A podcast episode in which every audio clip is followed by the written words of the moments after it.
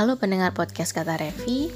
Hari ini tantangan 30 hari bersuara sudah memasuki hari ke-8 Dan saya merekam podcast ini ketika malam hari. Karena niatnya mau merekam di pagi tadi Ternyata banyak sekali pekerjaan menulis yang harus saya kerjakan. Selain itu saya juga hari ini pulang ke rumah karena ketika saya merekam ini besoknya kan ada pilkada nih jadi balik ke rumah saat mau merekam ternyata di sebelah rumah ada pengajian. Makanya saya baru bisa membuat podcast ketika malam hari. Tapi selama masih belum jam 12 malam maka masih ngikutin lah ya untuk podcast hari ini. Dan tema 30 hari bersuara yang diselenggarakan oleh thepodcasters.id hari ini adalah pasangan. Pasangan. Jika berbicara tentang pasangan, kita pasti akan berpikir tentang jodoh, termasuk saya. Karena uh, masih lajang dan juga memang menurut banyak orang, menurut struktur sosial dan menurut saya sendiri bahwa sebenarnya saya juga seharusnya sudah menemukan pasangan, tapi ya memang belum dapat saja, belum ada jodohnya lebih tepatnya.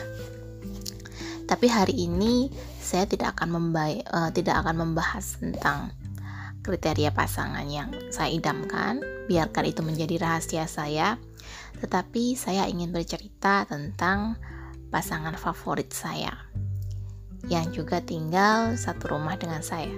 Mereka adalah papa dan mama. Jika berbicara tentang pasangan, kita pasti punya kriteria ideal masing-masing. Kalau bercerita tentang orang tua saya, mereka juga punya kekurangan, mereka juga punya karakter yang sangat bertolak belakang, tetapi saya melihat inilah kriteria atau inilah jenis cerita atau bentuk hubungan yang semoga bisa saya miliki nantinya. Sebuah hubungan di antara dua manusia yang menjadi diri sendiri, tetapi juga saling mendukung satu sama lain.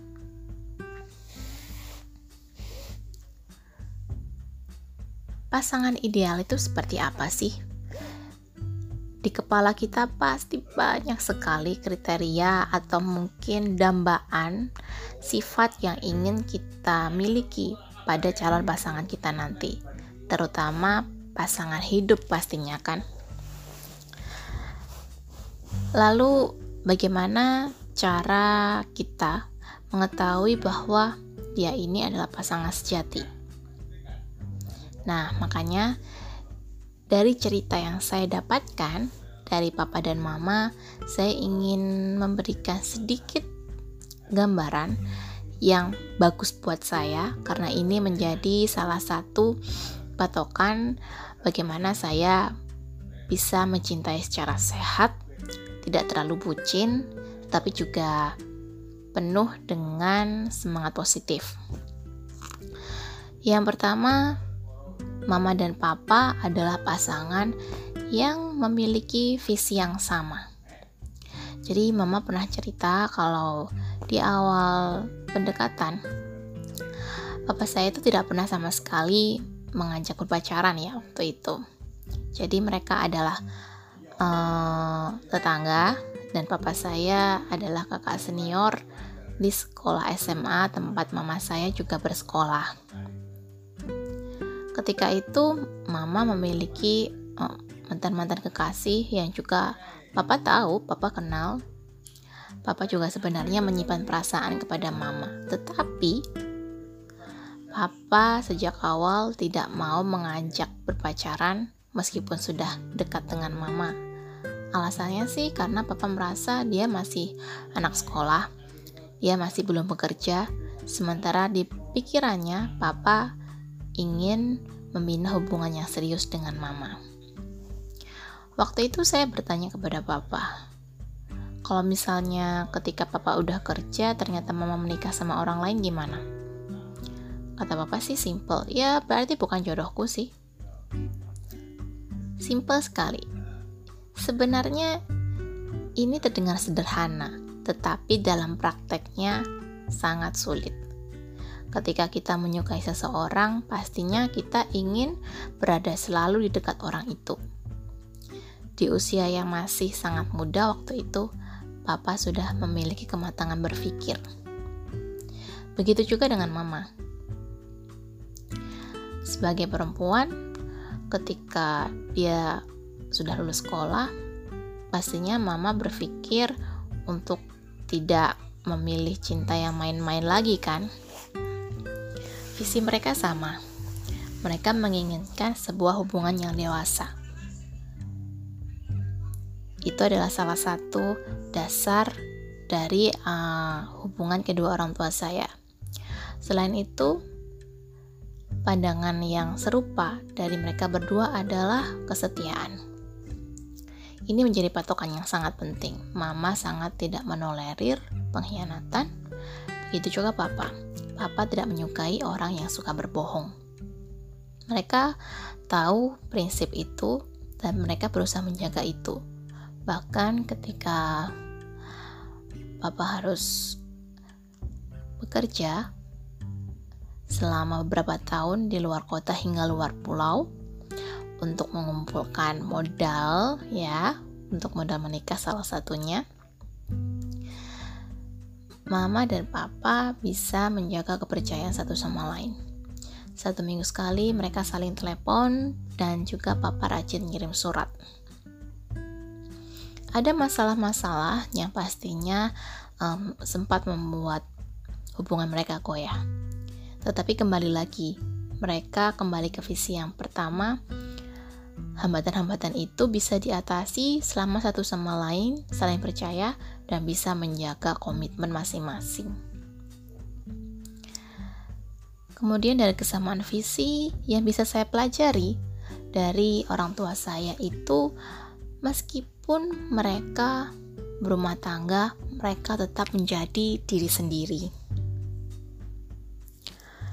Uh, mama saya suka beror berorganisasi, papa saya juga memiliki eh, teman-teman sendiri dia juga hobi nonton film kadang-kadang ketika mereka ada jadwal sendiri mama saya harus pergi ke acara desa untuk melakukan kegiatannya atau sekadar berkumpul dengan teman-temannya. Papa saya bisa jalan sendirian nonton film sendiri.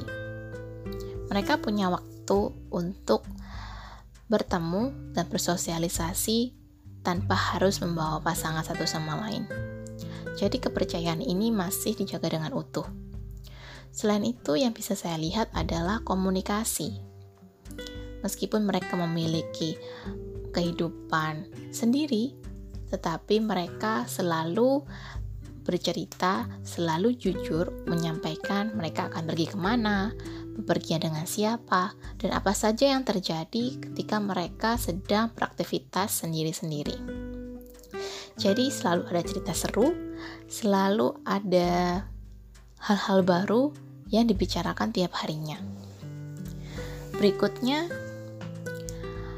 Papa sebagai laki-laki adalah orang yang sangat tegas, tetapi um, beliau tidak pernah bersikap kasar tidak pernah menghardik atau berteriak kepada mama maupun anak-anaknya, termasuk saya dan adik ya.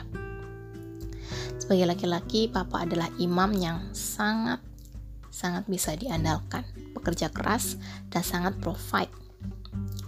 Papa adalah sosok laki-laki yang seharusnya bisa diteladani oleh siapa saja.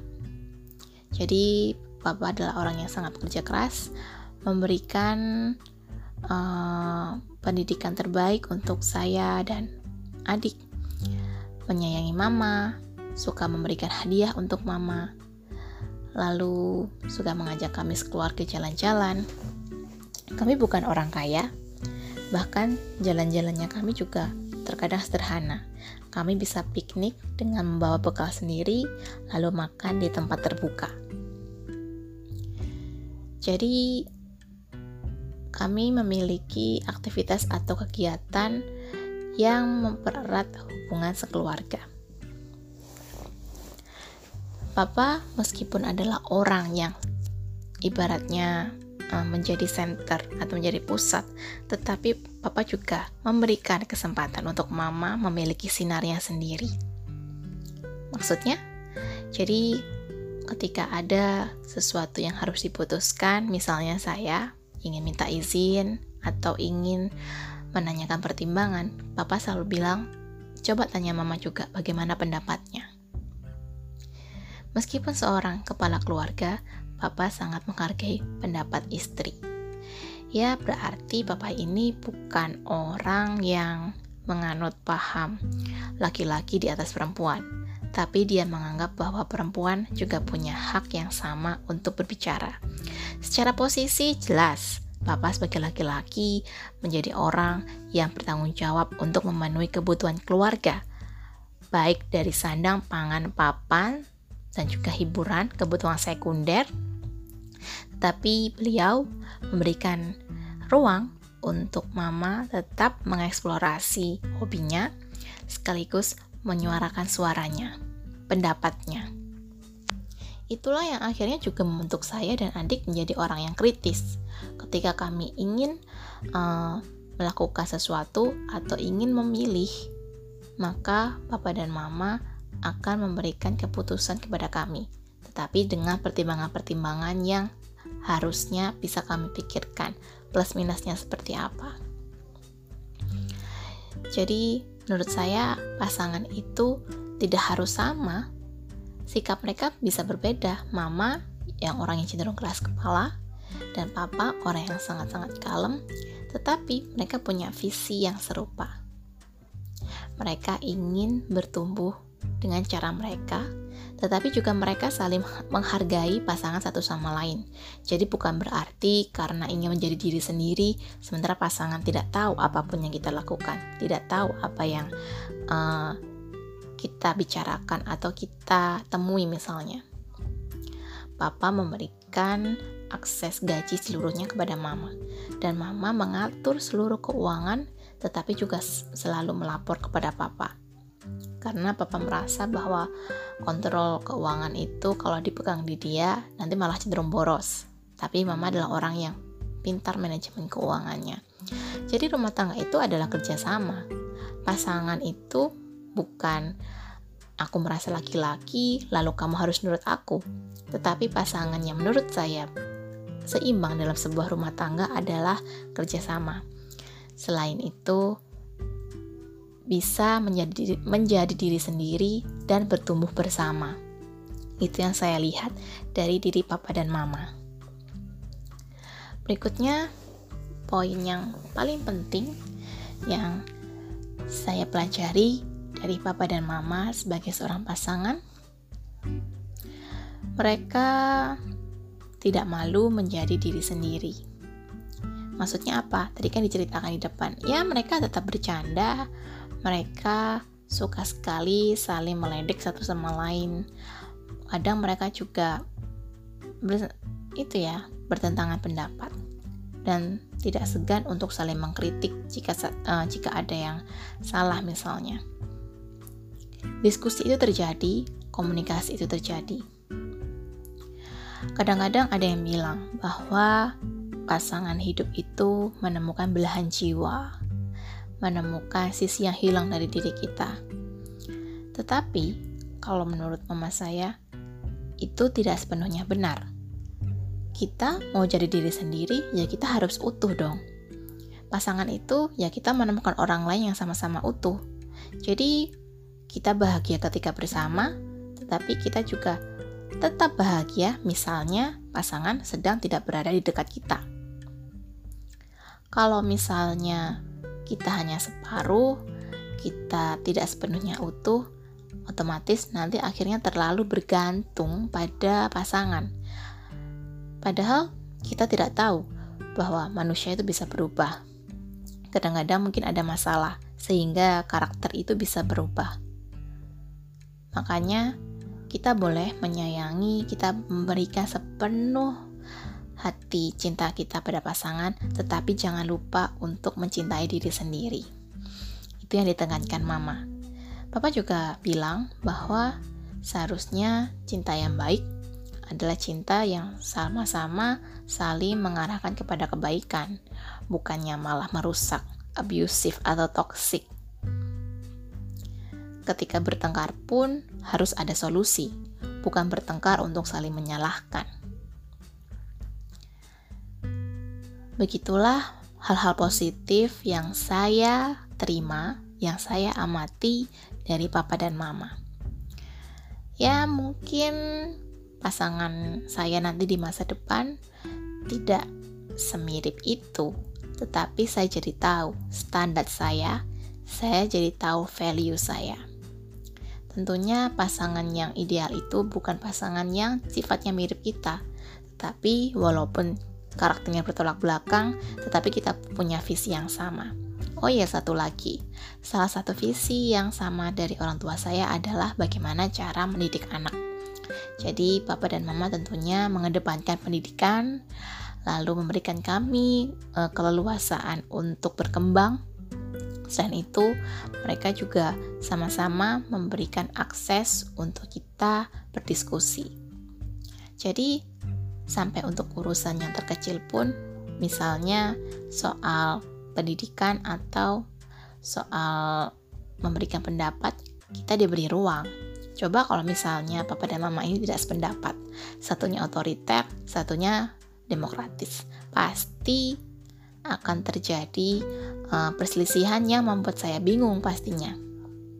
Tapi mereka memiliki kesamaan visi untuk hal ini, walaupun karakter mereka berbeda. Ya, inilah cerita saya tentang mengamati pasangan favorit di dalam hidup saya, yaitu papa dan mama. Semoga teman-teman bisa menerima atau mungkin ada insight positif dari podcast hari ini. Jika teman-teman memiliki pasangan favorit juga. Siapa pasangan favorit kak teman-teman? Lalu bisa jadi kita bisa mengambil sisi positif dari mereka. Semoga bagi teman-teman yang juga sudah menemukan pasangan hidupnya akan selalu senantiasa bahagia dan doa saya kita bisa selalu hidup happy meski saat ini masih dalam penantian mencari pasangan hidup. Sampai jumpa di podcast Kata Revi berikutnya.